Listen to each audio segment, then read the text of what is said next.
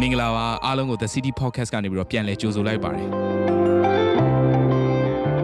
ဒီနေ့ Salmon Series မှာတော့ဆရာစောတီဟာဖြစ်ပါတယ်ခင်ဗျာ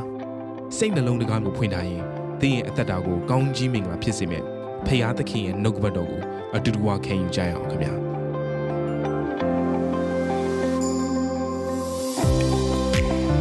အားလုံးမင်္ဂလာပါယေရှုခရစ်တော်ရဲ့နာမနဲ့သင်တို့အားလုံးကိုကျွန်တော်နှုတ်ဆက်ပါတယ်ဒီနေ့ကတော့เนาะ Happy Blessed Sunday ပါပဲ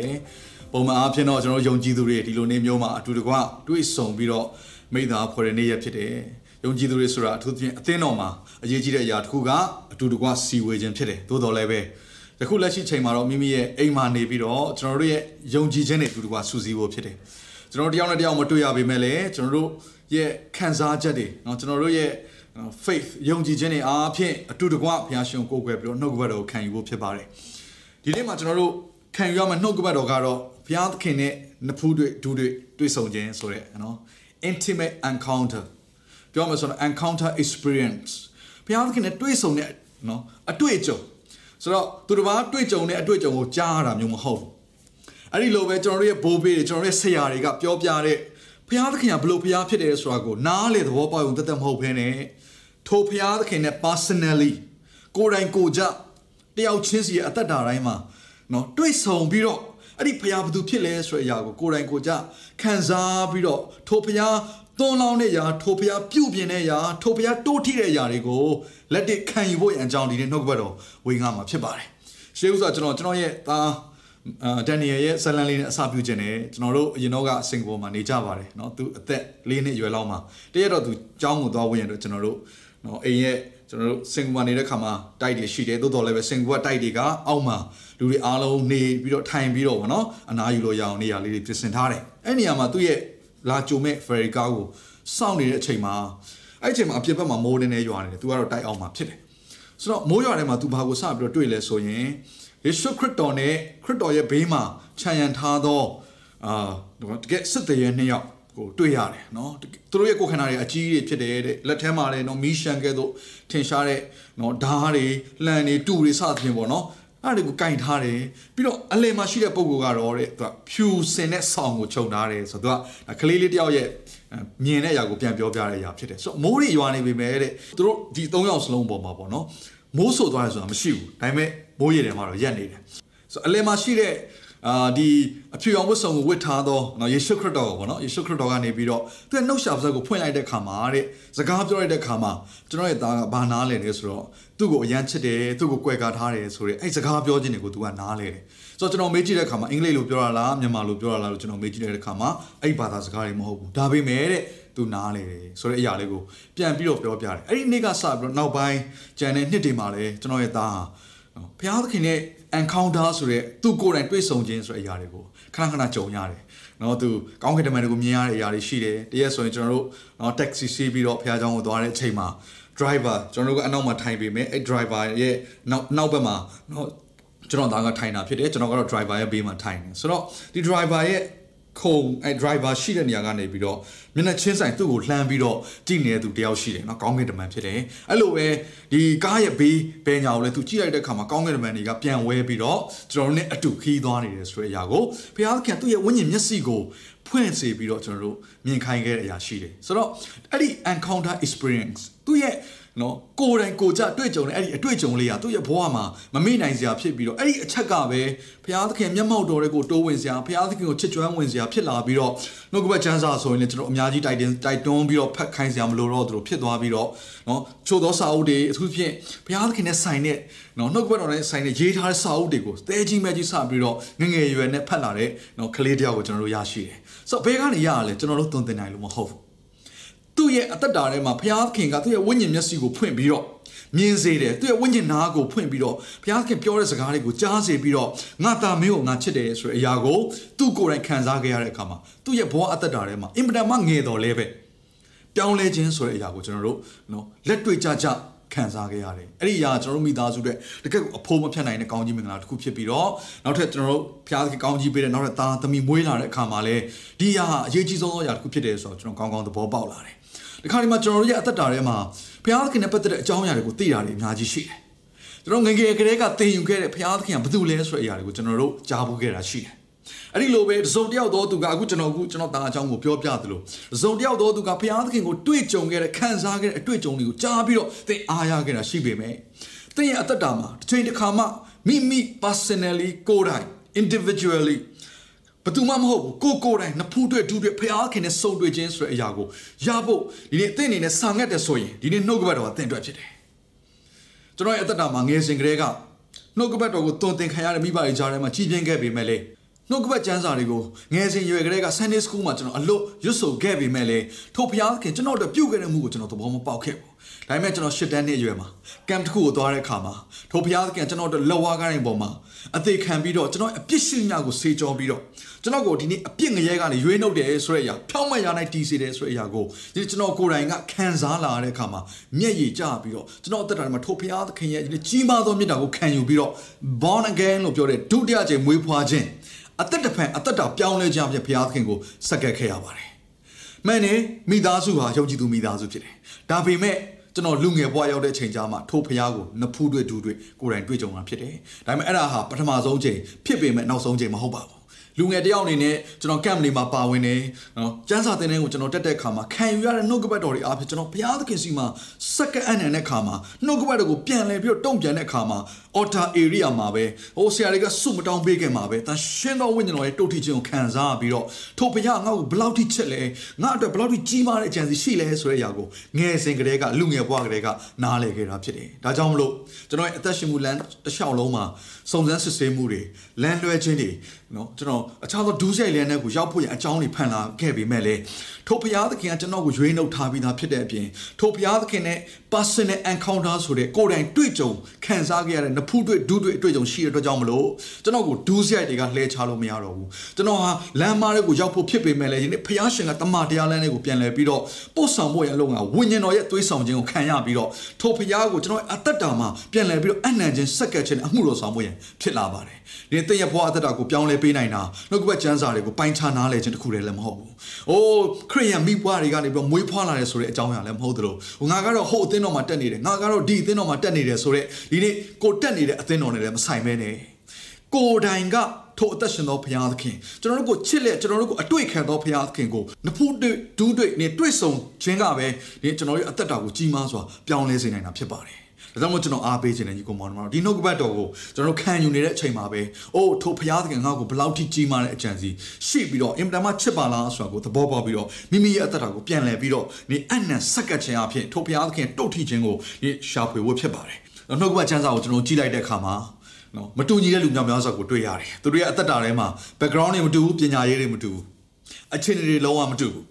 အသက်အရွယ်တွေမတူဘူးနေတဲ့နေရာတွေမတူဘူး အထူးသဖြင့်ဘုရားသခင်ရွေးချယ်ခဲ့တဲ့လူတွေမတူတဲ့လူတွေအများကြီးပဲသို့တော်လည်းပဲတူညီတဲ့အရာတစ်ခုရှိတယ်ဘုရားသခင်ရွေးချယ်ပြီးတော့အသုံးပြုခဲ့တဲ့လူတိုင်းဟာသူတို့မှာ personal encounter လို့ခေါ်တဲ့ကိုယ်တိုင်ကိုယ်ကြဘုရားသခင်ကိုတွေ့ဆုံခြင်းဆိုတဲ့အတွေ့အကြုံတွေရှိခဲ့ကြတယ်အကြောင်းသင်ဟာပညာရေးနယ်ပယ်ကလူတစ်ယောက်ဖြစ်နိုင်တယ်နှုတ်ကပတ်တော်ကိုနားလက်တက်ကြွတဲ့လူတစ်ယောက်ဖြစ်နိုင်တယ်တာမန်ယုံကြည်သူတစ်ယောက်ဖြစ်နိုင်တယ်အိုးသင်ဟာနော်အသက်တာမှာနော်အတွေ့အကြုံအများကြီးတွေ့ကြုံခဲ့တဲ့လူတစ်ယောက်လည်းဖြစ်နိုင်တယ်သို့တော်လည်းပဲသင်တို့အသက်တာ တယောက်နဲ့တယောက်မတူဝေပဲလေတူညီစွာတူညီစွာတွေ့ကြုံနိုင်တဲ့အရာတစ်ခုကတော့ထိုအသက်ရှင်သောဘုရားသခင်ကိုကိုယ်တိုင်ကိုယ်ကြတွေ့ဆုံခြင်းဖြစ်တယ်။ဘုရားသခင်ဟာတွေ့ကြတဲ့လူကိုအတွေ့ခံတဲ့ဘုရားဖြစ်တယ်ညီကောင်မောင်တို့တကယ်တော့အေဒင်ဥယျာဉ်မှာကလေးကအေဒင်ဥယျာဉ်မှာကလေးကဘုရားသခင်ကိုအာဒန်ကရှာခဲ့တာမဟုတ်ဘဲနဲ့အာဒန်ကိုဘုရားသခင်ကရှာခဲ့တာဖြစ်တယ်ကျွန်တော်တို့အားလုံးသိတဲ့ဇလန်လေးဖြစ်ပါတယ်ကပ္ပဦးကျမ်းဇလန်လေးဟာအေဒင်ဥယျာဉ်ကိုဘုရားရှင်ပြင်ဆင်ရတဲ့အကြောင်းရင်းကအာဒန်နဲ့အေဝါတို့နဲ့မိသားအောင်ဖွဲ့ဖို့ဖြစ်တယ် အေဒင်အရက်သည်ဘုရားသခင်နဲ့တွေ့ဆုံတဲ့အရက်ဖြစ်တယ်။အေဒင်အရက်သည်ဘုရားသခင်နဲ့ချစ်ကြွမ်းဝင်တဲ့အရက်ဖြစ်တယ်။အေဒင်အရက်သည်ဘုရားသခင်ကသူ့ရဲ့လူတွေနဲ့စကားပြောတဲ့အရက်ဖြစ်တယ်။သို့တော်လည်းပဲအပြစ်တရားအဖြစ်အာဒံဟာဒီနေ့ိုးပုံးရှောင်နေဆိုကျွန်တော်တို့တွေ့ရတယ်။ဘာတွေအဖြစ်ဖုံးထားတယ်။နေပျက်စီးနိုင်တဲ့နေပွင်ခြောက်သွားနိုင်တဲ့ဒီအရွက်တွေအဖြစ်သူတို့ရဲ့ကိုသူတို့ဖုံးဖို့စူးစမ်းတဲ့အခါမှာဒီနေ့ဖျားသခင်ကမင်းတို့ဒီတိုင်းပဲနေနော်ဒီအရွက်တွေခြောက်သွားရင်နောက်ထပ်အရွက်ကိုပြောင်းလို့မပြောဘဲနဲ့နေသူတို့အတွက်နောက်တစ်ချိန်ပြန်ပြီးတော့ဒီနေ့နော် အရွက်တွေကိုခူးပြီးတော့ချုပ်เสียနော်ဝစ်เสียမလို့တဲ့အပြစ်နဲ့ကင်းသောတိရစ္ဆာန်ရဲ့အရေးခွန်အဖြစ်သူတို့ကိုခြုံစေတယ်ဘသူကသူတို့ရဲ့အဆက်ကိုပြန်ပြီးတော့ဖုံးပေးတာလေအပြစ်ပြုတ်တော်လဲပဲအင်မတန်မှချစ်နေတဲ့ဖရာသခင်ဟာအာနန်ကအေဝါကပုံးရှောင်နေတော်လဲပဲဖရာသခင်ကလိုက်ရှာတဲ့ဖရာဖြစ်တယ်ဖရာသခင်ဟာတွေ့တွေ့ကျင်တဲ့ဖရာဖြစ်တယ် ကျွန်တော်တို့ဘက်ကဘလောက်ပဲပုံရှောင်ပုံရှောင်ဖခင်ဘက်ကတွေးခံမှုရတဲ့အတွက်အစင်သက်ပြင်နေတာဖြစ်တယ်ဒီနေ့အာဒန်ဟာပုံရှောင်မှုစူးစမ်းခဲ့ပါတယ် အေဝါပုံရှောင်မှုစူးစမ်းခဲ့ပါတယ်ဒါပေမဲ့ဖခင်သခင်ကတော့လိုက်ရှာခဲ့တဲ့ဖခင်သခင်ဖြစ်တယ်ဒီနေ့မှလည်းဖခင်သခင်ကတင်နဲ့တွေ့ဝင်ရတဲ့တင့်ကိုအမြဲတမ်းစောင့်ကြိုနေတဲ့ဖခင်ဖြစ်တယ်တင့်ကိုအမြဲတမ်းအခွင့်အရေးပေးနေတဲ့ဖခင်ဖြစ်တယ်တင့်ဘက်ကအချက်လေးတုံ့ပြန်လိုက်ဖို့ဖြစ်တယ်ဘုရားသခင်ကသူ့ရဲ့လူတွေကိုရွေးချယ်တဲ့အခါတိုင်းမှာဒီအပြစ်ဆိုတဲ့အရာကြီးဒီလောကမှာရောက်လာပေးမယ်လေဘုရားသခင်အတွေ့ခံမှုရန်အတွက်ပြင်ဆင်တဲ့ဘုရားဖြစ်တဲ့အခါမှာတယောက်ပြီးတယောက်ရွေးချယ်တယ်အဲ့ဒီကတယောက်ကဘယ်သူလဲဆိုရင်အာဗြဟံဖြစ်တယ်အာဗြဟံကိုဘုရားသခင်ကအသွေးဆိုတဲ့ brain အားဖြင့်ဒီနေ့ brain ပြုတ်ပြီးတော့ဂတိပြုတ်ပြီးတော့အ သွေးလို့ပြောတဲ့အခါမှာချို့တွေကကြောက်သွားတတ်တယ်ကျွန်တော်ပြောပြမယ်တိုက်ခိုက်ရင်းနဲ့ဆိုင်တဲ့နေရာတွေမှာသွေးတောက်ညီကို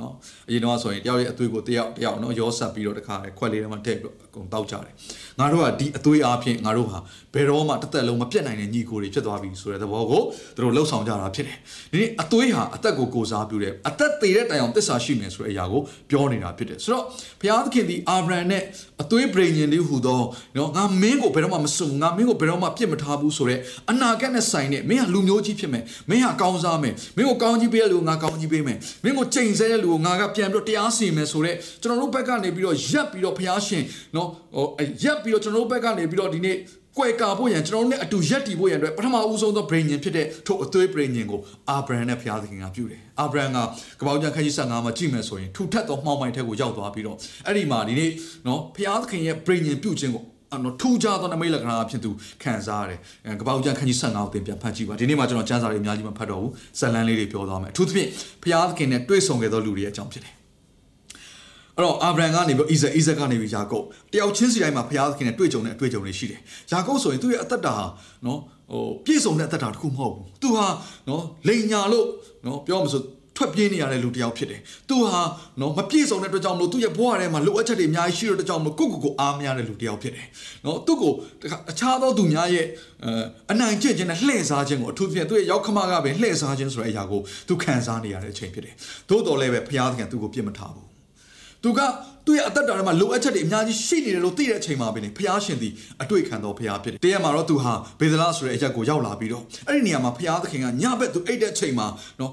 အိမ်မက်ယူပိုင်အားဖြင့်ထင်ရှားပြီးတော့အိမ်မက်ထဲမှာနော်ကောင်းကင်နဲ့မြေကြီးကိုချိတ်ဆက်ထားတဲ့လှေကားတစ်ခုကိုသူတွေ့တယ်။ကောင်းကင်တမန်တွေကဆင်းလိုက်တက်လိုက်နဲ့ဒီနေ့ထိုလှေကားပေါ်မှာအမှုဆောင်နေတာတွေ့ပြီးတော့ဖះသခင်အဲ့ဒီလှေကားပေါ်ကနေရက်ပြီးတော့ဟေးအာဗြဟံဣဇက်မင်းရဲ့ဘိုးဘေးကိုကောင်းကြီးပေးခဲ့တဲ့ဖះမင်းကိုလည်းငါကောင်းကြီးပေးမယ်ဆိုတော့ဂတိတော်ကိုအဲ့ဒီသူ့ရဲ့အိမ်မက်ယူပိုင်ုံထဲမှာသူခံစားရတယ် အိမ်မထဲကနေသူနိုးထားလာတဲ့ချိန်မှာအာဒီရဟာကောင်းကင်တကဝပါလားဘယ်အချိန်မှာဒီအိမ်မက်ယူပါယုံကိုခံစားရတယ်။ကောင်းကင်နဲ့ဆိုင်တဲ့ဖွင့်ပြခြင်းဟိုကောင်းကင်နဲ့ဆိုင်တဲ့ကောင်းကြီးမင်္ဂလာထိုဘုရားရှင်ကောင်းကြီးပေးခြင်းဆိုဂတိတော်တွေကိုဘယ်အချိန်မှာခံစားရတာလဲထွက်ပြေးနေတဲ့အချိန်မှာဖြစ်တယ်။မိမိကိုယ်ကိုအားမရတဲ့အချိန်မှာဖြစ်တယ်။ဒီသင်ရဲ့အသက်တာမှာကိုယ့်ကိုအားမရဘူးဆိုရင်ဇုံတစ်ခုသောအရာနဲ့သင်ပုံရှောင်နေတဲ့အသက်တာဖြစ်တယ်ဆိုရင် စုံတစ်ခုသောအရာနဲ့သထွက်ပြေးနေတဲ့အချိန်ဖြစ်တယ်ဆိုရင်ဟိုတင့်ကိုလူတွေကလှည့်စားတဲ့အချိန်တွေတခုအတင်ကြော်ဖြတ်နေရတယ်ဆိုရင်ဖျားသခင်ကတင့်ကိုတွေ့ဖို့စောင့်နေတယ်ဆိုတော့မမေ့စေချင်ဘူး။ဟိုတင်ညဘက်အိတ်တဲ့အချိန်မှာပဲလင်ထူကြသောအိမ်မက်ယူပိုင်အဖြစ်တင့်ကိုကောင်းကြီးပေးခြင်းနဲ့ဖျားဖြစ်တယ်။ယောသရဲ့အသက်တာမှာလေ encounter experience ဆိုတဲ့ဖျားသခင်နဲ့နဖူးတွေ့ဒူးတွေ့ဘယ်လိုတွေ့ကြုံတာလဲအိမ်မက်ယူပိုင်အဖြစ်ဖြစ်တယ်။အရန်အဲ့ဒီအိမ်မက်ယူပိုင်ကထင်ရှားလုံးအားကြီးတော့တေချာလုံးအားကြီးတော့သူ့အကိုရရဲ့ရှေ့မှာကြွားလိုက်တဲ့အထိသူ့ရဲ့အိမ်မက်ယူပိုင်ကိုသူဘယ်လောက်ထိစိတ်ချလဲဆိုတော့ကျွန်တော်ကျမ်းစာကိုဖတ်တဲ့အခါမှာတွေ့ရတယ်။ဘုရားသခင်ကတင့်ကိုအိတ်တဲ့ချိန်မှာပဲလင်သူကိုယ်တိုင်က နော်အိတ်ပြောခြင်းငိုင်းနေခြင်းမရှိဘဲနဲ့မားဆတော်ဘုရားဖြစ်တယ်။သင်အိတ်တဲ့ချိန်မှာပဲလင်အနာဂတ်နဲ့ဆိုင်တဲ့အကြံစီတွေကိုဖွင့်ပြတဲ့ဘုရားဖြစ်တယ်။အာဗြဟံကိုအနာဂတ်နဲ့ဆိုင်တဲ့အကြံစီကိုဘုရားရှင်ဖွင့်ပြတယ်။ဘယ်ချိန်မှာလဲဘုရားသခင်နဲ့အတူတွေ့တဲ့ချိန်မှာဟာလေလုယာ။အိုယာကုပ်ဟာအိုသူ့ရဲ့အနာဂတ်ဟာမရေရာဖြစ်တဲ့ချိန်မှာအနာဂတ်နဲ့ဆိုင်တဲ့ကောင်းကြီးမလားသူခံစားရတယ်။နော်ကျွန်တော်ယာကုပ်အကြောင်းကိုဆက်ပြီးတော့ပြောခြင်းတယ်။ယာကုပ်ဟာနော်တရက်မှာတော့သူဟာနော်သူ့ရဲ့အကိုဖြစ်တဲ့နော်အာသူ့ရဲ့အကိုရဲ့အခါလေအေးတော်ရဲ့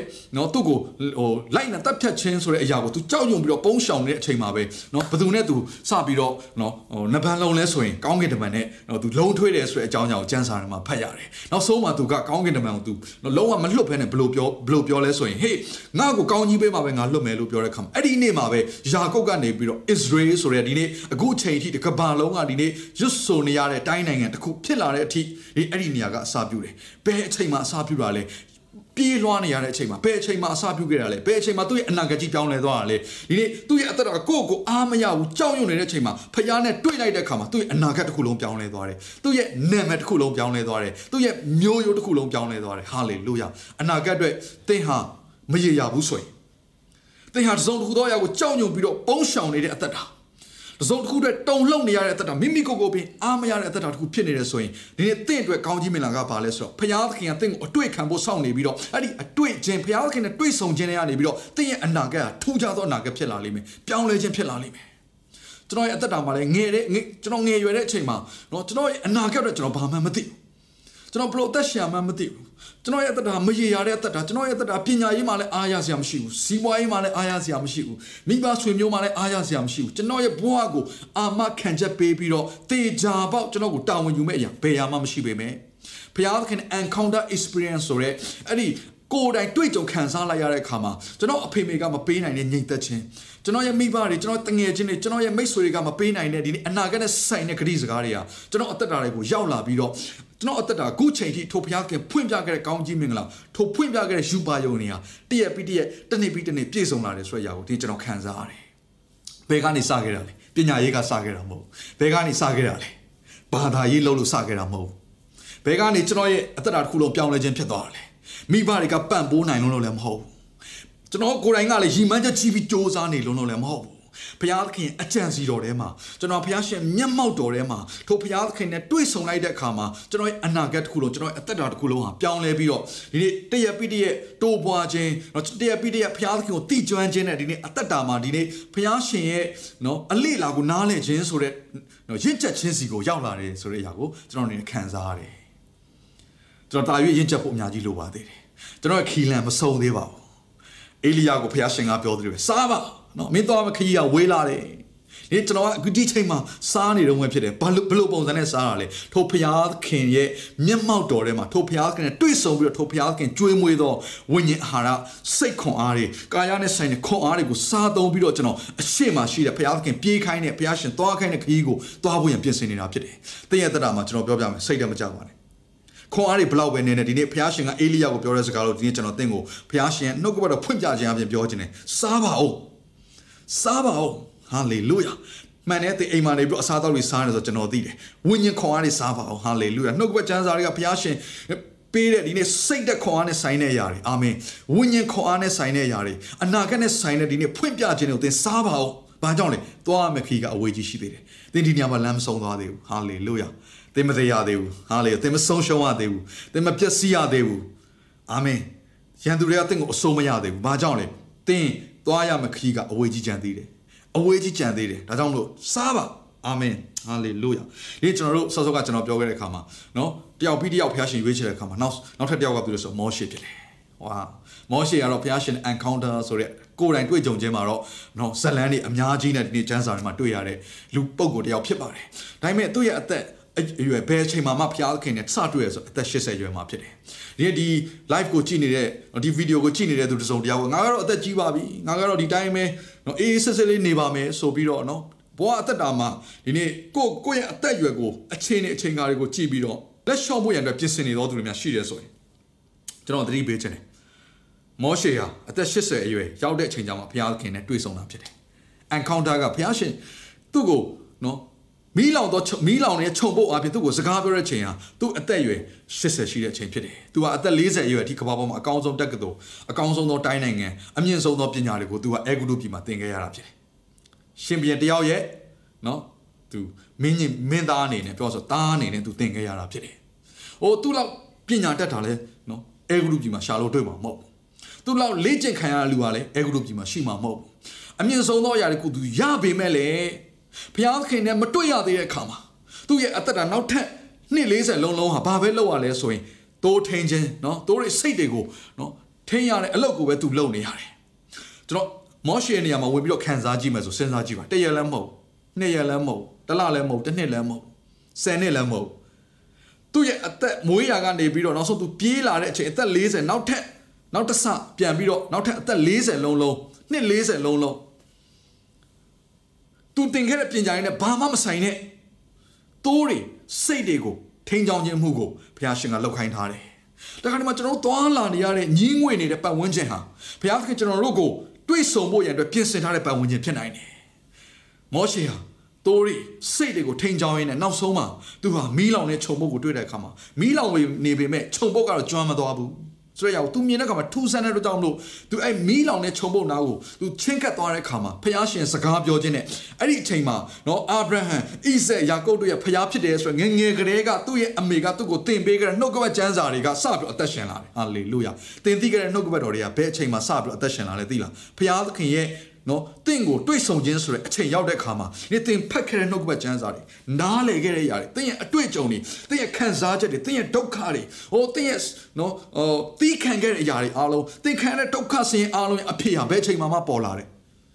ဘုရားသခင်နဲ့တွေ့တဲ့အချိန်မှာမောရှေကဘုရားနဲ့တွေ့တဲ့အချိန်မှာသူ့ကိုအဲ့ဒီအတွက်ပြင်ဆင်ထားမှအဲ့ချိန်ကျမှသဘောပေါက်တယ်အဲ့ဒီချိန်ရောက်တဲ့အခါမှာမောရှေကပါတုံ့ပြန်တယ်ကျွန်တော်အဆင်သင့်မဖြစ်ဘူးဒီခါမှာကျွန်တော်တို့ရဲ့အသက်တာထဲမှာအဆင်သင့်မဖြစ်ဘူးဆိုတော့နော်စင်ကြယ်တွေအများကြီးရှိတတ်တယ် ဟိုဟာမလုပ်ရသေးဘူးဒီဟာမလုပ်ရသေးဘူးမောရှေကဒီလောက်ထိကောင်းမွန်တဲ့ပညာတွေကိုသင်လာခဲ့ပြီးတော့အသက်အရွယ်ရင့်ကျက်ခြင်းဆိုတဲ့နော်လူအနေနဲ့ပြောရမယ်ဆိုရင်နော်လောကရဲ့ပညာတွေကိုသင်ပြီးသွားပြီအတွေ့အကြုံတွေအများကြီးရှိပြီးသွားပြီနော်အိမ်အောင်လည်းကြာပြီးသွားပြီသားသမီးတွေလည်းအများကြီးရှိသွားပြီနေပယ်အမျိုးမျိုးမှလည်းကျင်လည်ပြီးသွားပြီနန်းတော်မှလည်းနေပြီးပြီနော်စင်ရသားအနေနဲ့လည်းသူနေပြီးသွားပြီဆိုတော့သူရဲ့ဘဝဘောင်းဆောင်ကိုကျင်လဲခါမှာအတွေ့အကြုံတွေအများကြီးရှိနေပေမဲ့လေသူ့ကိုယ်သူကဘယ်လိုပဲထင်လဲဆိုတော့အဆင်သင့်မဖြစ်သေးဘူး ဒါကြောင့်မလို့ဖျားသခင်ငါဘာလုပ်ရလဲဆိုသူ့ကိုနမိတ်လက္ခဏာတွေပြပြီးတော့เนาะသူ့ကိုဘေးကနေပြီးကုညီမဲ့သူတွေနဲ့ဝန်းရံပြီးတော့သူ့ကိုဆေလွတ်တယ်ဖျားသခင်အမြင်မှာဖျားသခင်တင့်ကိုသာเนาะအာတွေးဆုံပြီးဆိုရင်ကိုကိုကိုကိုကိုကိုမြင်တဲ့အမြင်ကနေအစင်နဲ့မဖြစ်သေးဘူးဆိုရင်လေဘုရားသခင်ဘယ်လိုမြင်လဲဆိုတော့မင်းကငါဆေလွတ်တယ်သွားပါဒါပဲဘုရားသခင်နဲ့တွေ့ဆုံလိုက်ပြီဆိုရင်အစင်နဲ့မဖြစ်ဘူးလို့ထင်တဲ့လူတွေလည်းအစင်နဲ့ဖြစ်လာတယ်အဲ့ဒါကသင်ရဲ့ပညာရေးနဲ့လည်းမဆိုင်ဘူး သင်ဘာပညာတွေဘယ်လောက်ထိတက်ခဲ့လဲတခါတည်းမှာပညာအများကြီးတက်တဲ့ຢာကလည်းဘုရားရှင်သုံးလို့ရချင်မှသုံးလို့ရတာတခါတည်းမှာဘာပညာမှမတက်တဲ့ຢာကလည်းဘုရားရှင်အသုံးပြုလို့ရတဲ့တစားပလာဖြစ်လာတတ်တယ်ဘယ်အပေါ်မှာပဲမူတည်လဲထိုဘုရားသခင်ရဲ့ဗိတ်သိက်ခြင်းထိုဘုရားသခင်ရဲ့ရွေးကောက်ခြင်းထိုဘုရားသခင်နဲ့နဖူးတွေဒူတွေကိုယ်တိုင်ကိုယ်ကြတွေ့ဆုံခြင်းကတင့်ရဲ့အသက်တာကိုလုံးဝပြောင်းလဲသွားစေနိုင်တယ်မောရှေကအဲ့ဒီတွေ့ဆုံခြင်းကနေပြန်လာပြီးတဲ့အခါမှာ ဒီကဘာပေါ်မှာတစ်ချိန်တစ်ခါမှမဖြစ်ခဲ့ဘူးတဲ့နမိတ်လက္ခဏာတွေနဲ့အိုးနောက်ဆုံးမှာဒီနေ့ကျွန်တော်တို့ပွဲတော်မင်္ဂလာကိုယူခြင်းကိုနော်အဲ့ချိန်ကလေးကပုံဆောင်တဲ့တိုးတငယ်ရဲ့အသွေးအဖြစ်ဣသရေလလူမျိုးတွေကိုလွတ်မြောက်ခြင်းဆိုတဲ့နမိတ်လက္ခဏာတွေနဲ့ထုတ်ဆောင်လာတဲ့အခါမှာ နော်နောက်ဆုံးသူတို့တိနာတောင်ကိုရောက်လာတဲ့အခါမှာတိနာတောင်ပေါ်မှာရက်40လုံးလုံးအစာကိုမစားရေကိုမတောက်ဘဲနဲ့ဘုရားရှင်မျက်မှောက်တော်ထဲမှာဟာလေလုယာဘုရားခင်နဲ့မိသားရောက်ဖွဲ့ပြီးတော့ဒီကဘာကြီးတစ်ခုလုံးအတွက်ဒီနေ့နော်နိုင်ငံအသီးသီးအတွက်စံထားရမယ်အဲအခုနော်အခြေခံဥပဒေတွေရေးဆွဲရမယ်ဒီနေ့လူမှုရေးနဲ့ဆိုင်တဲ့အရာကိုးကွယ်ခြင်းနဲ့ဆိုင်တဲ့အရာဤဥပဒေသားတွေကိုဘုရားရှင်ကပေးတယ်ဒီဘုရားရှင်မျက်မှောက်တော်ထဲမှာအရာခက်သိမ်းရှိတဲ့ညီကောင်မောင်တို့မှာတို့ ဘုရားသခင်နဲ့တွေ့ဆုံခြင်းထဲမှာပြောင်းလဲမှုတွေရှိတယ်ထို့ပြောင်းလဲမှုတွေဟာလူသားတွေအားလုံးအတွက်ကောင်းမှုရန်အတွက်ပဲဖြစ်တယ် ကျွန်တော်ပြောမယ်ဘုရားသခင်ဟာဒီနေ့ပျက်စီးဝေရန်အကြောင်းမပြင်ဆင်ပါဘူးဘုရားသခင်ကရွေးနှုတ်ဖို့ရန်အကြောင်းမပြင်ဆင်တဲ့ဘုရားဖြစ်တယ်ဘုရားရှင်ဟာဒီနေ့အိုးဒီလောကရဲ့နှိပ်စက်ခြင်းအထူးသဖြင့်မမြင်ရတဲ့ရန်သူဖြစ်တဲ့စာရန်ရဲ့ဤဥပဒေသားတွေသူ့ရဲ့လက်နက်တွေတကိုးတွေမှောင်မိုက်တွေကနေရွေးနှုတ်ဖို့ရန်ပြင်ဆင်တဲ့ဘုရားသခင်ဖြစ်တယ်သင်ကသာထိုဘုရားသခင်ကိုစာငတ်တယ်ဆိုရင်ထိုဘုရားကိုလိုတယ်လို့ကိုကိုကိုသာတစ်ချက်လေးခံစားပြီးတော့ဘုရားဘက်ကိုလှည့်လိုက်မယ်ဆိုရင်ဘုရားသခင်ကတင့်ကိုအတွေ့ခံဖို့ရန်အတွက်စောင့်နေတဲ့ဘုရားဖြစ်တယ်အဲ့ဒီတွေ့ဆုံခြင်းဟာသင်ရဲ့ဘဝမှာတစ်ချိန်တစ်ခါမှမဖြစ်ခဲ့ဘူးတဲ့ပြောင်းလဲခြင်းကိုကြီးမားစွာဖြစ်စေမယ်လို့ကျွန်တော်ယုံကြည်တယ်ဘုရားသခင်ကတွေ့ခြင်းတဲ့ချိန်မှာတွေ့ခံပါအာရန်ဘာမှလဲမင်းဘာမှလဲဘုရားရှင်လိုက်ရှာတယ်အာရန်ကဘာလုပ်နေလဲပုံးရှောင်နေတယ်ဒီနေ့ဘုရားရှင်တွေ့ဆုံခြင်းကိုမပုံမဲနဲ့မကြောက်ဘဲနဲ့ထွက်မပြေးဘဲနဲ့ဒီနေ့ဘုရားသခင်ကိုရဲရဲရဲရဲရင်ဆိုင်ပြီးတော့ဘုရားသခင်ကိုတော့ကျွန်တော်ကိုလက်ခံပါဆိုပြီးတော့ဘုရားကိုတွေ့ခြင်းနဲ့ဆိုရင်အတွေ့ခံတဲ့ဘုရားဖြစ်ပါတယ်ဒီဣသရေလလူမျိုးတွေကလေမောရှေနဲ့ဘုရားနဲ့တွေ့တဲ့အခါမှာထွက်ပြေးကြတယ်အဲ့ဘုရားကြောက်ဖို့ကောင်းတယ်တကိုးကြီးမားတဲ့ဘုရားဖြစ်တယ်ဆိုထွက်ပြေးကြတယ် မြေကြီးကလှုပ်တာကိုဘုရားရှင်မျက်မှောက်တော့တက်ရောက်လာတဲ့အခါမှာဘုရားရှင်ဘုံတကုနဲ့ကြွဆင်းလာတဲ့အခါမှာလှက်စီးရလက်တယ်။အိုမီခိုးတွေနဲ့တခါအင်မတန်မှကြောက်မဲ့ဖွယ်ရကောင်းတယ်။သို့တော်လည်းပဲဒီနေ့ထွက်မပြေးတဲ့လူတယောက်ရှိတယ်။အဲ့ဒါကတော့ဘယ်သူလဲဆိုရင်ယောရှုဖြစ်တယ်။ယောရှုဟာမောရှေနဲ့အစဉ်မြဲရှိခဲ့ပြီးတော့မောရှေနဲ့ဘုရားသခင်မျက်မှောက်တော်ထဲမှာအိုးတကယ်ကိုယင်းနီးစွာဖြင့်တွေ့ဆုံခြင်းဆိုတဲ့အရာကိုသူကိုယ်တိုင်မခံစားပေမဲ့သူကမြင်ခဲ့မှုတဲ့လူတယောက်ဖြစ်တယ်။အခွင့်အရေးရလာတဲ့အခါမှာ နောက်နောက်ဆုံးပြိသက်စီဝေးစီဝေးရတဲတစ်ခုကိုတိဆောက်ပြီးတော့အဲ့တဲမှာမောရှေနဲ့ဘုရားသခင်နဲ့တွေ့ဆုံတဲ့ချိန်မှာယောရှုကိုယ်တိုင်ကထိုဘုရားသခင်မျက်မှောက်တော်တွေကနေမထွက်ဘဲနေတယ်လို့ကျမ်းစာကဖော်ပြထားတယ်မောရှေတော်ကဘုရားနဲ့မိသားရပြုပြီးသွားပြီစကားပြောပြီးသွားပြီပြန်ထွက်သွားပြီယောရှုကမထွက်ဘူးအဲ့ဒီဘုရားသခင်နဲ့တွေ့ဆုံခြင်းကပဲဘာဖြစ်လာလဲဆိုရင်ဣသေလတမျိုးသားလုံးကိုရဲရင်စွာဖြင့်ဥဆောင်ပြီးတော့ဘုရားသခင်ပေးတဲ့ဂတိတော်ထားတဲ့ခါနန်ပြည်ကိုဝင်စားဖို့ရန်ကြောင်းဒီနေ့ခေါင်းဆောင်ကောင်းတယောက်ဖြစ်ပေါ်ထွက်လာတာဖြစ်တယ်ကျွန်တော်ပြောပြမယ် ဘုရားရှင်လူတွေကိုဥဆောင်တဲ့လူလူတယောက်အတွက်အရေးကြီးဆုံးသောအရာတစ်ခုကဘာလဲဆိုရင်ဘုရားသခင်နဲ့အတူတွေ့ဆုံခြင်းဖြစ်တယ်ဘာကြောင့်လဲဘုရားသခင်နဲ့တွေ့ဆုံခြင်းမရှိဘဲနဲ့ဘုရားသခင်လူတွေကိုဥဆောင်လို့မရဘူးဘုရားသခင်အလေးလာတွေကိုနားမလဲဘဲနဲ့ဘုရားသခင်လူတွေကိုဘယ်လိုဥဆောင်လဲအာမင်ဒါကြောင့်မသိရဲ့အသက်တာမှာဘုရားသခင်ရဲ့မျက်မှောက်တော်အရေးကြီးဆုံးဖြစ်တယ် မျက်မှောက်တော်လို့ပြောတဲ့အခါမှာထိုဘုရားသခင်အတူရှိခြင်းမျက်မှောက်တော်လို့ပြောတဲ့အခါမှာဘုရားရှင်ရဲ့ဘုန်းတော်ဘုရားသခင်ဖြစ်ခြင်းထင်ရှားခြင်းမျက်မှောက်တော်လို့ပြောတဲ့အခါမှာလို့ထိုဘုရားသခင်နဲ့မျက်နှာချင်းဆိုင်တွေ့ဆုံခြင်းဆိုတဲ့အရာတွေကိုပြောနေတာဖြစ်တယ်ဒီနေ့ကျွန်တော်တို့ရဲ့အသက်တာတွေမှာအထူးသဖြင့်ဓမ္မသစ်ကာလကိုရောက်လာတဲ့အခါမှာဒီနေ့ဘုရားသခင်တွေ့ဆုံသောအရာတစ်ခုရှိလာတယ်အဲ့ဒါဘာလဲဆိုရင်ခရစ်တော်ဖြစ်တယ်ခရစ်တော်အားဖြင့်ထိုကြီးမြတ်သောဘုရားသခင်နဲ့ကျွန်တော်တို့ကအစီတားမရှိတိုးဝင်ခွင့်ရတယ်ကဘာဦးလုံးကတော့ဘုရားသခင်ပြင်ဆင်တဲ့ရအေဒင်ရဖြစ်တယ် ဣသရေလလူမျိုးတွေကိုအေဂုတုပြည်ကနေခါနန်ပြည်ကိုပို့ဆောင်တဲ့အခါမှာဘုရားသခင်တွေ့ဆုံဖို့ရန်ပြင်ဆင်သောအရာသည်တဲတော်ဖြစ်တယ်တဲတော်ဘက်မှာရှိတယ်ဣသရေလလူမျိုးတွေရဲ့ တဲတွေစုထားတဲ့အလယ်မှာရှိတယ်ဘုရားသခင်ကျွန်တော်တို့နဲ့အတူကျင်းဝတ်ချင်တဲ့ဘုရားဖြစ်တယ်ဟာလေလုယာထိုဘုရားသခင်မျက်မှောက်တော်ထိုဘုရားသခင်တွေ့ဆုံခြင်းဘေးမှာကျွန်တော်တို့ရဲ့မိသားစုတွေကိုနေရာချရတာဖြစ်တယ်ထိုဘုရားသခင်တွေ့ဆုံခြင်းရဲ့ဘေးမှာကျွန်တော်တို့ရဲ့စီးပွားရေးလုပ်ငန်းတွေကိုနေရာချရတာဖြစ်တယ်ထိုဘုရားသခင်တွေ့ဆုံခြင်းဆိုတဲ့ဘေးမှာပဲကျွန်တော်တို့ရဲ့အလုပ်တွေကျွန်တော်တို့ရဲ့ခံစားချက်တွေကျွန်တော်တို့ရဲ့ရည်မှန်းချက်တွေကိုထားရတာဖြစ်တယ်ဘသူကစန်တာလဲထိုဘုရားသခင်ကျွန်တော်တို့ဘဝရဲ့အလယ်ဘက်ဟိုဖြစ်တယ် ထိုဘုရားသခင်နဲ့တွေ့ဆုံခြင်းထိုဘုရားသခင်နဲ့မိသားအဖွဲ့ခြင်းထိုဘုရားသခင်အကြံစီတော်နဲ့သွန်လောင်းခြင်းတွေကိုခံယူခြင်းဟာတင့်ဘဝတဲ့အခရာဖြစ်တယ်အဲ့ဒါမရှိဘဲနဲ့ကိုယ့်ဘဝကိုကြံတဲ့ຢာတွေနဲ့ဘလောက်ပဲလွှမ်းခြုံထားလွှမ်းခြုံထားဘလောက်ပဲဝန်းရံထားဝန်းရံထားတင့်ရဲ့ဘဝအသက်တာတကိုးမဲ့တဲ့အသက်တာဟိုဘုရားသခင်အလေလာတွေကိုနားမလဲတဲ့အသက်တာဘုရားရှင်ဘိတ်သိက်ခြင်းမရှိသောအသက်တာဖြစ်ဆုံးရှုံးခြင်းကိုရောက်နိုင်တယ်ဒီကျွန်တော်ဆုံးရှုံးခြင်းလို့ပြောတဲ့အခါမှာခန်းချောက်ခြင်းကိုပြောနေတာဖြစ်တယ် ဒီကျွန်တော်တို့ရဲ့အသက်တာမှာဖះကိုတည့်ရသားနဲ့ခန်းချောက်တဲ့အသက်တာဖះကိုတည့်ရသားနဲ့ဖះသခင်နဲ့မတူတဲ့အသက်တာဖះသခင်ကိုဒီနေ့ယုံကြည်လက်ခံပါတယ်ပြောနေပြီးတော့ဟိုဖះသခင်ဘယ်သူလဲဆိုတဲ့အရာကိုအသက်တာတွေကမဖော်ပြနိုင်တဲ့အသက်တာဘာကြောင့်လဲထိုဖះသခင်နဲ့သင်မတွေ့သေးလို့ဖြစ်တယ်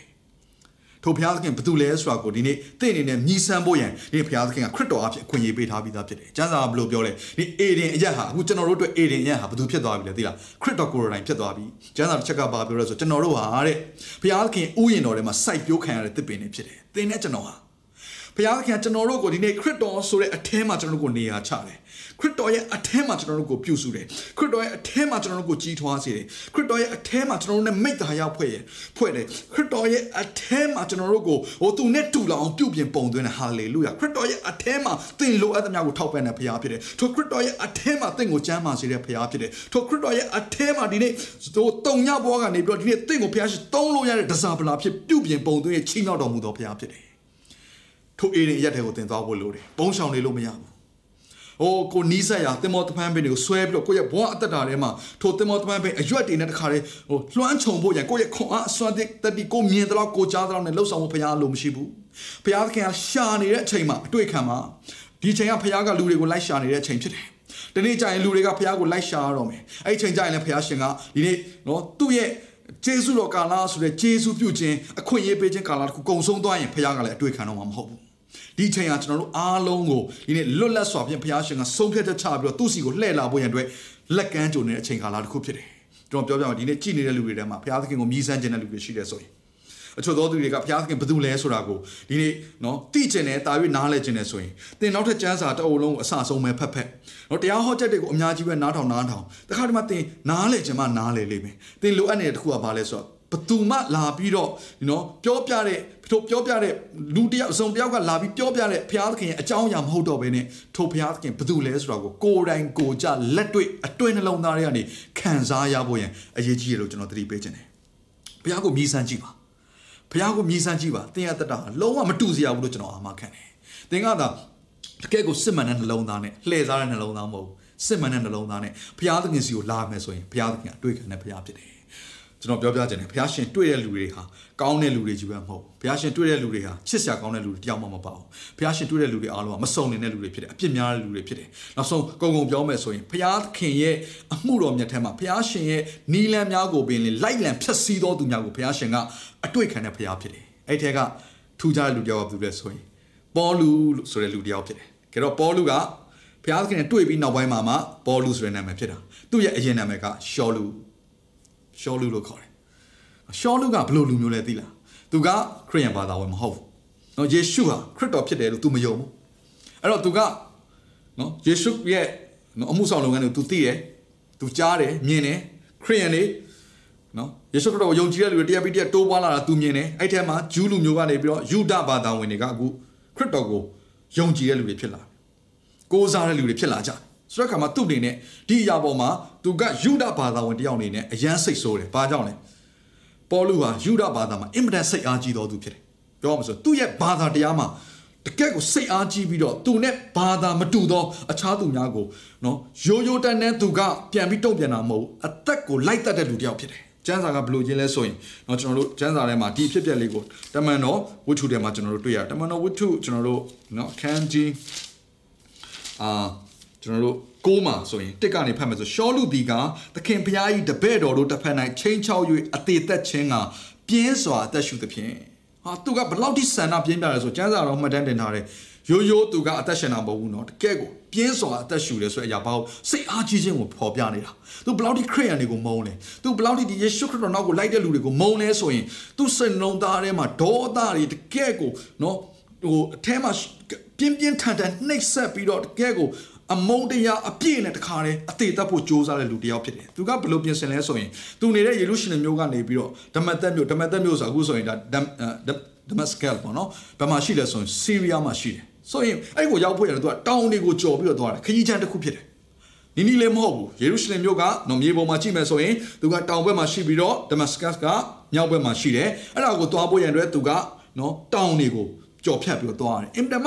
အဲ့ဒီချိန်ကာလလုံးကခီးသွားဖို့ရန်ခက်ခဲတဲ့အချိန်ကာလဖြစ်တယ်။ဒါပေမဲ့အဲ့ဒီဒမတ်စကတ်မြို့မှာရှိတဲ့ဒမတ်သက်မြို့မှာကျမ်းစာရဆိုဒမတ်သက်မြို့မှာရှိတဲ့ယုံကြည်သူတွေတိုးပွားခြင်းအထူးဖြင့်ဂျူးလူမျိုးတွေပြောင်းလဲခြင်းကိုသူကြားတဲ့အခါမှာလုံးဝမခံစားနိုင်ဘူး။အဲ့တော့သူကယေရုရှလင်မြို့မှာလည်းယုံကြည်သူတွေကိုညှဉ်းပန်းပြီးပြီးနှိပ်စက်ပြီးပြီးထောင်ထဲမှာလှောင်ထားပြီးပြီးအိုးအကုန်လုံးကိုသူလှုပ်ဆောင်ပြီးတဲ့အခါမှာသူက အားမရနိုင်မဲနဲ့တခြားမြို့ရွာမှာရှိတဲ့ယုံကြည်သူတွေကိုဖမ်းပြီးတော့တတ်ဖို့ရတဲ့သူကအမိန့်စာယူတယ်ယေရုရှလင်မြို့ကလည်းအမိန့်စာကိုယူလာပြီးတော့သူကတခါအဲ့ဓမ္မသက်မြို့ကိုသွားနေတဲ့အချိန်မှာလမ်းမှာဘာဖြစ်လဲဆိုရင်နော်ထိုဘာသာဝင်သောယောက်ျားမိန်းမတို့ကိုတွေ့လင်ချီနှောင်၍ယေရုရှလင်မြို့သို့ပို့ဆောင်ရမည်အကြောင်းဓမ္မသက်မြို့၌ရှိသောတရားစရမူတို့ထံသို့အမှားစာကိုရေးပေးပါဟုယေဘရဟိမင်းထံသို့ ဝင်၍တောင်းပြီးမှသူခွင့်ပြုမိန့်ကိုယူပြီးတော့နော်အခုခေတ်နဲ့ပြောမှဆိုရင်ဒါဖမ်းတဲ့အမိန့်ပေါ့နော်တရားရုံးကအမိန့်တစ်ခုသူတောင်းပြီးတော့တွား၍ဓမ္မသက်မြို့အနီးသို့ရောက်သောအခါ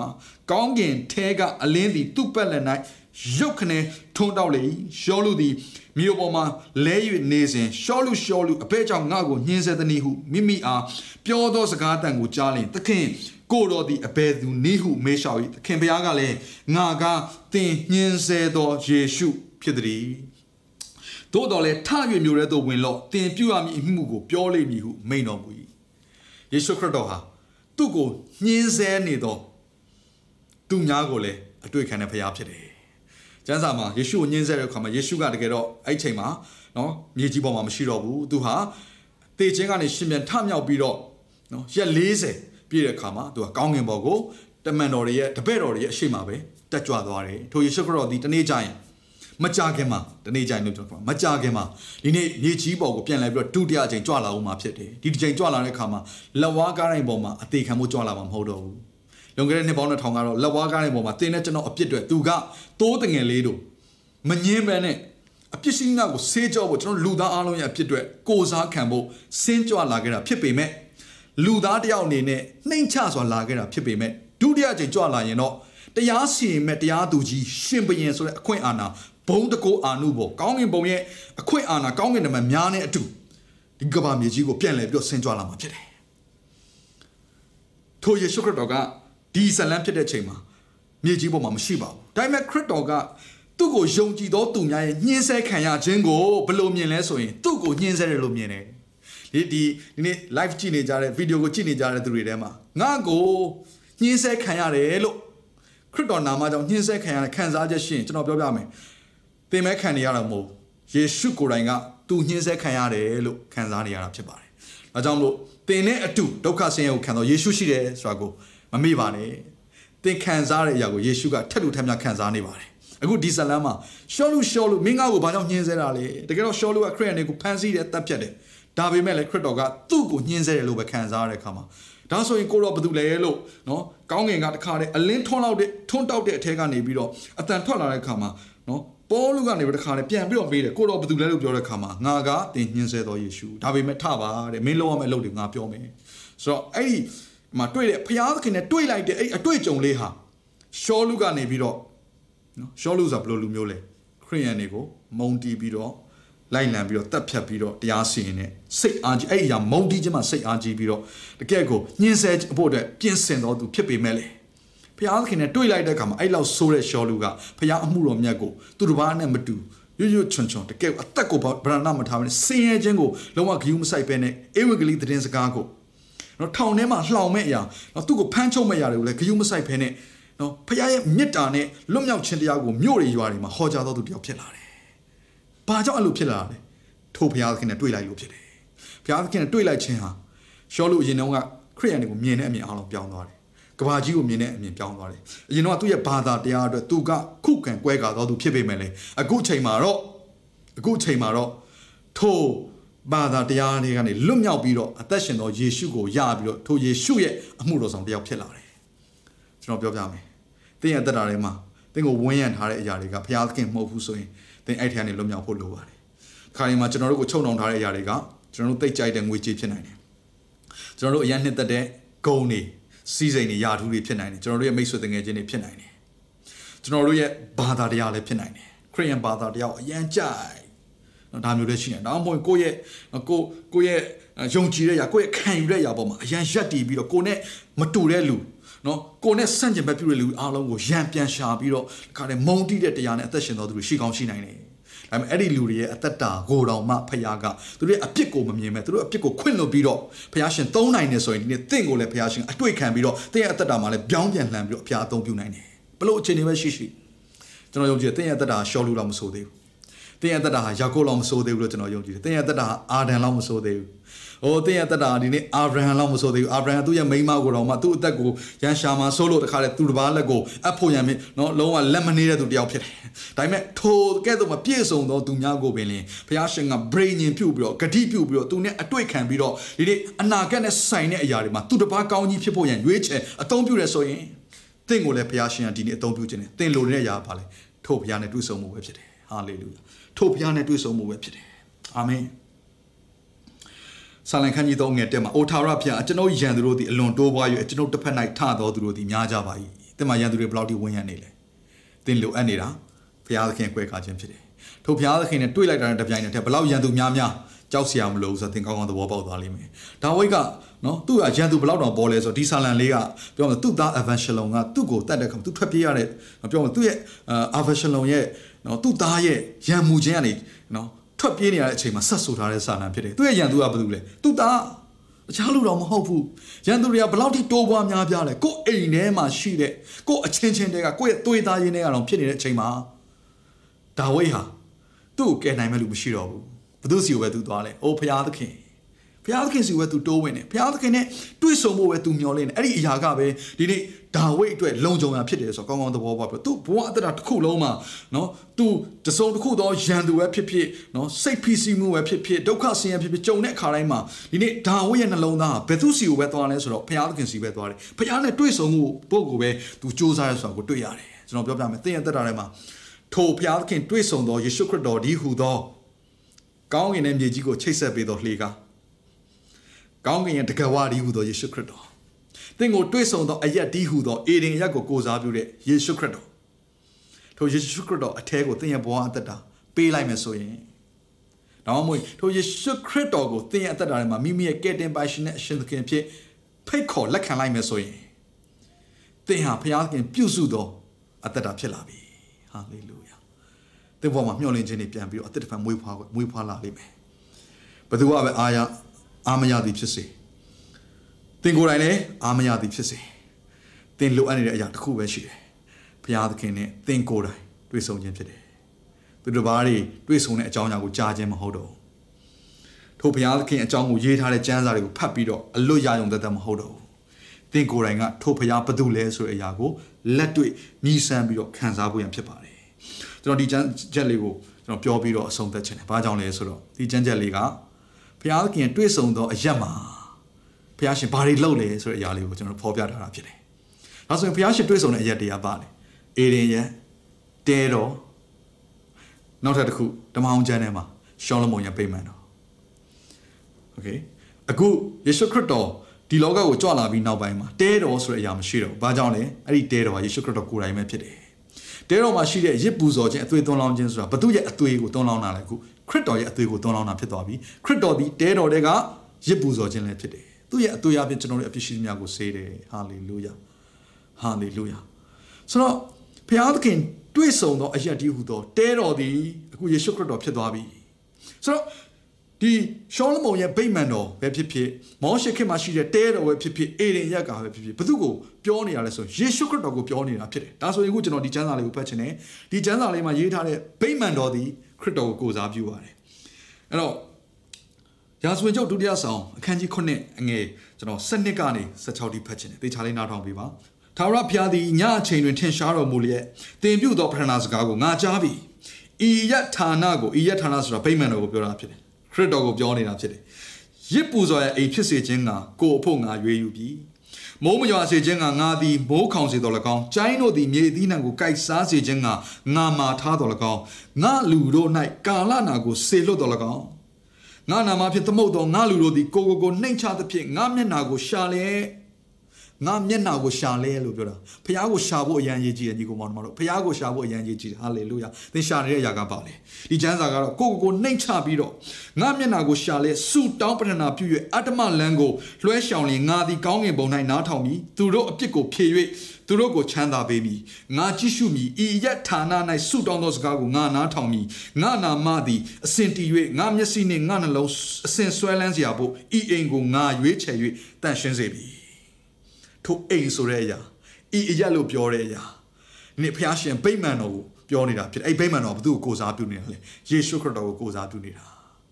ထိုခရစ်တော်ထဲမှာသင်ရှိပြီဆိုရင်သင်ဟာဘုရားသခင်ရဲ့မိတ္တာဖွင့်နေပြီထိုဘုရားသခင်ရဲ့ဂယုဏပလင်တော်ရင်းကိုအစီတာမရှိတိုးဝင်ခွင့်ရနေပြီ ရဲရင်စွာဖြင့်ထိုဘုရားသခင်ရဲ့မျက်မှောက်တော်ထဲမှာဘုရားသခင်နဲ့တွေ့ဆုံခွင့်ရနေပြီထိုဘုရားရှင်နာမကိုအမိပြုပြီးတော့ထိုခရစ်တော်အထဲမှာရှိတော်သင်ကမိမိကိုယ်ကိုနှိမ်ချလျက်ဒူးဆိုင်လန်းနေအားလုံးကိုလွှဲရှောင်ပြီးတော့ဘုရားသခင်ရဲ့မျက်နာကိုရှာပြီးဆုတောင်းမယ်ဆိုရင်တဲ့ ဘုရားသခင်ကဘာပြောလဲဒီထက်မှာနော်မိမိရဲ့လူများမှာပင်လင်ကြာရောက်နေသောကာလနာဘေးဒီတိုင်းကြီးမှာပင်ခံစားရသောယောဂနဲ့ဟိုကပ်ဘေးအားလုံးနော်ကျမ်းစာဘယ်လိုပြောလဲဆိုရင်နော်မိုးခေါင်စေတဲ့ခါမှာကျိုင်းတွေကမြေသီးနှံကိုကိုက်စားစေတဲ့ຢာတွေအားလုံးကပ်ကပ်ဘေးတွေကြီးပဲအဲ့ပြဿနာအားလုံးအကုန်လုံးကိုတဲ့နော်အကုန်လုံးငါပြန်ပြီးတော့ဖယ်မယ်ဘယ်ထဲမှာဆူတောင်းတာလဲခရစ်တော်ရဲ့ထဲမှာ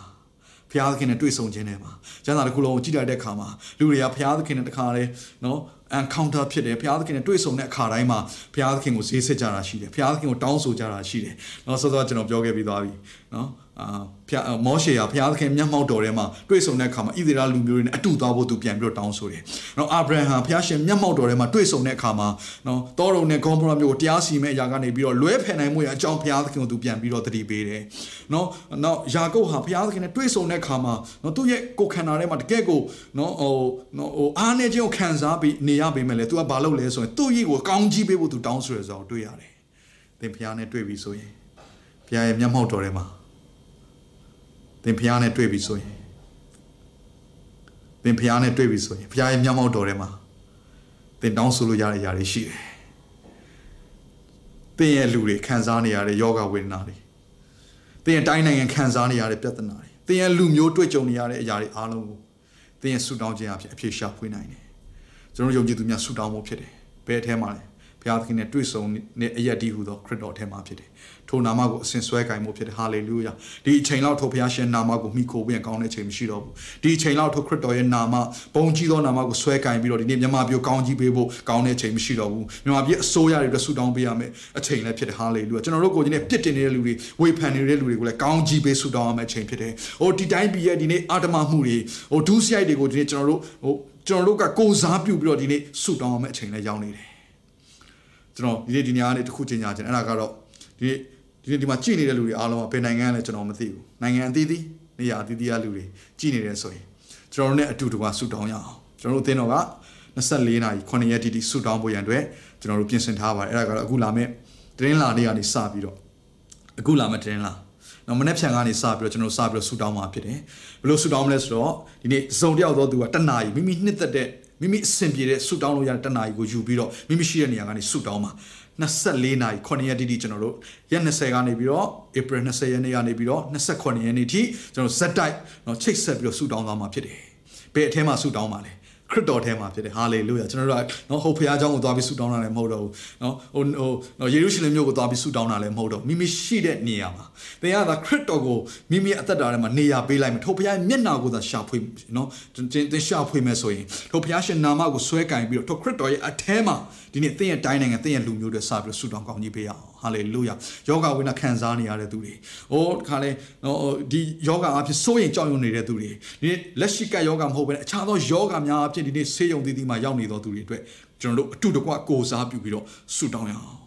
ခဏတော့အခုချိန်မှာကျွန်တော်ဆူတောင်းခြင်းနဲ့ခဏနေနေကျွန်တော်ဒီတရားဟောချက်ပြီးသွားတဲ့ခါမှာအတူတကွပွဲတော်မင်္ဂလာကိုဝင်ဖို့ဖြစ်တယ်။ဒါပေမဲ့အခုချိန်မှာမိမိရှိတဲ့နေရာကနေပြီးတော့ကိုစားပြုပြီးတော့ခဏတော့ဆူတောင်းရအောင် ဘုရားသခင်ကိုရောကိုယေရှုတင်တယ်ကိုရောသည်ဒါတို့ကိုအတွေ့ခံတဲ့ဘုရားဖြစ်ပါတယ်ဖဘုရားသခင်ဒါတို့ကပုံရှောင်တဲ့ချိန်မှာအပြစ်သားလူသားကပုံရှောင်တဲ့ချိန်မှာဒါတို့ကိုလိုက်ရှာသောဘုရားဖြစ်တယ်အတွေ့ခံသောဘုရားဖြစ်တယ်ဟာလေလုယာဒီဒါတို့ဟာမထိုက်တန်သောအချိန်မှာပင်နေအပြစ်များကိုပြုမိတဲ့အချိန်မှာပင်နေကိုရောသည်တပါးရီသောဒါတို့ယေရှုခရစ်တော်ကိုဤလောကသို့ဆေလွှတ်၍အကျွန်ုပ်တို့ကိုရွေးနှုတ်ဖွင့်ရပြင်ဆင်သောကိုရဲ့မဟာအကြံစီတော်ကိုရောကိုယေရှုတင်တယ်ထာဝရနဲ့ဆိုင်သောကိုရောရဲ့အကြံစီတော်ကိုရောကိုယေရှုတင်တယ်ထိုခရစ်တော်ကြောင့်ကျွန်ုပ်တို့သည်ယနေ့ကဲ့တင်ခြင်းခံရပါပြီထိုခရစ်တော်ကြောင့်ကျွန်ုပ်တို့သည်လွတ်မြောက်ခြင်းခံစားပါပြီထိုခရစ်တော်ရဲ့ခံခဲ့သောတရားတကြအဖြစ်ကျွန်တော်တို့ဒီကျမ်းမာခြင်းကိုခံစားပြီးဖြစ်ကြောင်းဤနေရာကနေဝန်ခံကြေညာပြီးတော့ယခုချိန်မှာပင်နေမိမိရှိတဲ့နေရာမှာယောဂဝိနခံစားသောသူများအတွက်ကျမ်းမာခြင်းတကိုးတော်ကိုယုံကြည်ခြင်းအပြင်ဆေလွတ်ပါတယ်ဟာလေလုယာခရစ်တော်ခံခဲ့သောတရားတကြနဲ့ထိုးတက်ခံရသောဝေဒနာများအဖြစ်ကိုတော်ပေးသောကျမ်းမာခြင်းကိုယုံကြည်ခြင်းနဲ့ဝန်ခံ၍ကြေညာကြပါတယ်ဖပါဘုရားသခင်ကျွန်တော်တို့ဒီကိုရောရဲ့တရားတချက်များအဖြစ်ကျမ်းမာသောသူဖြစ်ကြောင်းဝန်ခံတယ်အသွန်လောင်းသောအသွေးတော်အဖြစ်လွတ်မြောက်သောသူဖြစ်ဖြစ်ကြောင်းဝန်ခံကြပါတယ်ဖပါဘုရားသခင်ဒီတိုင်းနိုင်ငံကိုလည်းကောင်းကြီးပေးတယ်မြန်မာလူမျိုးတယောက်စီအောင်လည်းကောင်းကြီးပေးတယ်ဒီနေ့ခရစ်ရှင်များဟိုမုန်းတီးခြင်းအဖြစ်တော်လည်းကောင်းရန်လိုခြင်းအဖြစ်တော်လည်းကောင်းဟိုအထင်လွဲခြင်းအဖြစ်တော်လည်းကောင်းဒီနေ့ဟိုခရစ်ရှင်ဖျားဟိုဟို ကဲ့ရဲ့နေသောသူတွေဝေဖန်ပစ်တင်နေသောသူတွေအားလုံးတွေတောင်းလို့ဒီနေရာကနေပြီးတော့တတိယရဲ့ဆူတောင်းပြီးသူတို့ကောင်းကြီးပေးပါတယ်သူတို့ထက်မှတက်တာခြင်းရှိစေပါ။အိုးသူတို့ထက်မှခရစ်ရှင်ပြမုန်တီးခြင်းနဲ့အားလုံးကယနေ့တိုးပွားလာခြင်းမရှိဘဲနဲ့ကိုရောမြတ်တာကိုခံစားပြီးတော့ဒီခရစ်ရှင်ပြတယောက်နဲ့တယောက်ချစ်ခြင်းကိုပဲခရစ်ရှင်ပြပြန်လေ၍ဟိုတွန်းလောင်းတော်မူအဖဖျားသခင်ယုံကြည်သူခရိယန်သီးသီးကိုလည်းကောင်းကြီးပေးတယ်တက်တာခြင်းကိုကိုရောပေးပါငြိမ်သက်ခြင်းကိုကိုရောတွန်းလောင်းတော်မူပါကိုရဲ့ကယ်တင်ခြင်းနဲ့ကိုရဲ့ဟိုခရစ်ရှင်ပြမဟာအကြံစီနဲ့ဆိုင်သော ဟိုနိုးထမှုနဲ့ဆိုင်သောထိုသတင်းစကားသည်ဒီနေ့မြန်မာတိုင်းလုံးပေါ်မှာတက်ရောက်ခြင်းရှိပြီးတော့လူတိုင်းဒီကိုရောမြစ်တာထဲမှာလွတ်မြောက်ခြင်းရှိပါစေကိုရဲ့တကိုးတော်ထဲမှာအားလုံးဒီတက်တာခြင်းရှိပါစေအခုခံစားနေရသောကက်ယောဂဝေနာသည်လည်းဒီနေ့ဒီနိုင်ငံကနေလုံးဝနေပြီးတော့ဒီနေ့ပျောက်ကင်းခြင်းရှိဖို့ဒါတို့ဆုတောင်းတို့တကဘာလုံးတိုင်းတာနဲ့ခံစားနေရသောအရာတွေအားလုံးကနေပြီးတော့ဒီနေ့လွတ်မြောက်ခြင်းရှိဖို့ဒါတို့ဆုတောင်းပါနဲ့ဖဖျားသခင်အိုးခရစ်ရှင်ဖျားကိုရဲ့ရှေ့မှာဒါတို့လူသားတွေအနေနဲ့ဟိုဒါတို့တိုင်းနိုင်ငံနေတော့လည်းကောင်းဒါတို့လူမျိုးအနေနဲ့တော့လည်းကောင်းဒီကိုရောမနှစ်သက်သောအရာများကိုပြုတ်ခဲ့သောဒုစရိုက်များအတွက်ကိုစားဝန်ချ၍တောင်းပန်ကြပါတယ်ဖဖျားသခင်မိမိကိုနှိမ်ချလဲကိုရောမျက်နှာကိုယနေ့ရှာကြပါတယ်ကိုရောမျက်နှာသာပေးခြင်းသည်တစ်ဖက်ပြန်လဲမြန်မာပြည်ပေါ်မှာတက်ရောက်ခြင်းရှိပါမိကြောင်းခရစ်တော်၏နာမကိုအမိပြု၍ဤနေရာကနေဆုတောင်းပြီးကောင်းကြီးပေးကြပါ၏ဖဖျားသခင်အာမင်ရောက်တိုင်းကိုဖျားရှင်ကောင်းကြီးပေးပါစေဒီအစီအစဉ်လေးအပြင်တင်းရဲ့အသက်တာမှာကောင်းကြီးဖြစ်မယ်ဆိုတာကိုကျွန်တော်ယုံကြည်ပါတယ်ဗီဒီယိုကြည့်ပြီးခံယူလို့သူများအတွက်အပတ်စဉ်တရားဟောခြင်းများ Bible Study ကြီးမွန်ကိုးကွယ်ခြင်းနဲ့အခြားသောအကြောင်းအရာတွေဟာတင်းအတွက်အဆင်သင့်ရှိနေပါတယ် YouTube မှာ The City Space TV လို့ရိုက်ထည့်လိုက်တဲ့အခါကျွန်တော်တို့ကိုတွေ့ရှိမှာဖြစ်ပါတယ် Subscribe လုပ်ခြင်းအပြင်တင်းနဲ့ထက်ချက်မကွာအမြင်ရှိနေပါပါဒါအပြင် Facebook မှာလည်း The City ရန်ကုန်လို့ရိုက်ထည့်လိုက်တဲ့အခါတည်င်းအချက်အလက်နဲ့ poster တွေကိုအချိန်နဲ့တပြေးညီတွေ့ရှိအောင်မှာဖြစ်ပါတယ်ခင်ဗျာ The City Podcast ကိုနားထောင်ကြတိုင်းဖျားသခင်ရဲ့ထူကြသောဖွင့်ပြချက်နဲ့ကောင်းကြီးမင်္ဂလာများခံစားမိကြောင်းကျွန်တော်ဆုတောင်းရင်ဤစီစဉ်လေးကိုဒီမှာပဲညှိနှိုင်းပါရစေခင်ဗျာ